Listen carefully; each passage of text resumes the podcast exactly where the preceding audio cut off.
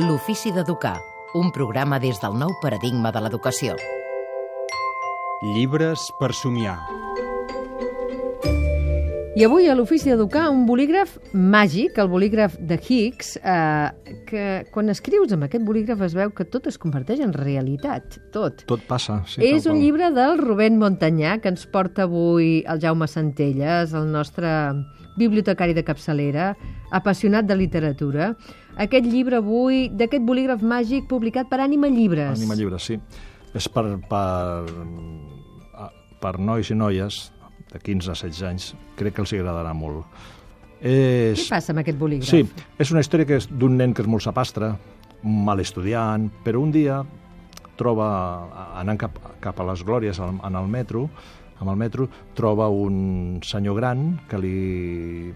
Bueno, ell li, li deixa seure, accidentalment li deixa el lloc, i l'altre li fa un regal, que és un bolígraf de plàstic, un bolígraf com aquests que tenim de plàstic, de la marca Higgs.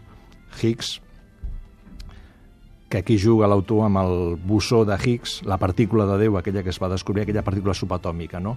I aquest bolígraf, ell no se n'adona, però quan arriba a l'escola i fa la primera redacció, el mestre el felicita perquè és la millor redacció que he llegit mai a la vida.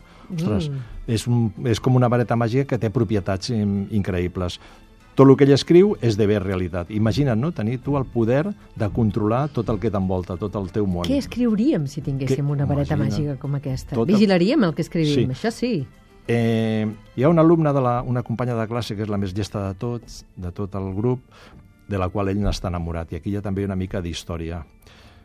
Però ell no vol fer servir el bolígraf per, perquè la, que no, no vol escriure i ara faré que la noia s'enamori d'això. no. Ell vol enamorar-la de manera... Pels seus propis mèrits. Sí, sense trampa.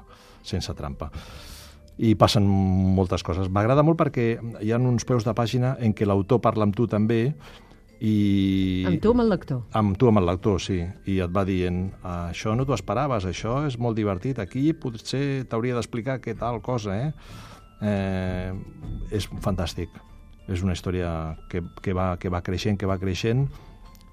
Per quina edat? 15 anys, 16, crec que l'institut eh, donaria molt de sí, perquè, a més a més, eh, entremig hi ha el, els capítols que passen a la- l'aula i les redaccions que el mestre els hi fa, el mestre que també és un personatge important a la novel·la, els hi fa escriure unes redaccions i ell fa unes redaccions doncs està escrit en tercera persona, en primera i els peus de pàgina, hi ha com un triple narrador. Un dia m'explicarà, Jaume, amb Sí. quins criteris es trien els llibres que es llegeixen en cada etapa, en cada edat, fins i tot en, Sí. a l'institut. Un dia en parlem. En parlem, perfecte, sí. Moltes gràcies, Jaume Centelles. Gràcies a vosaltres.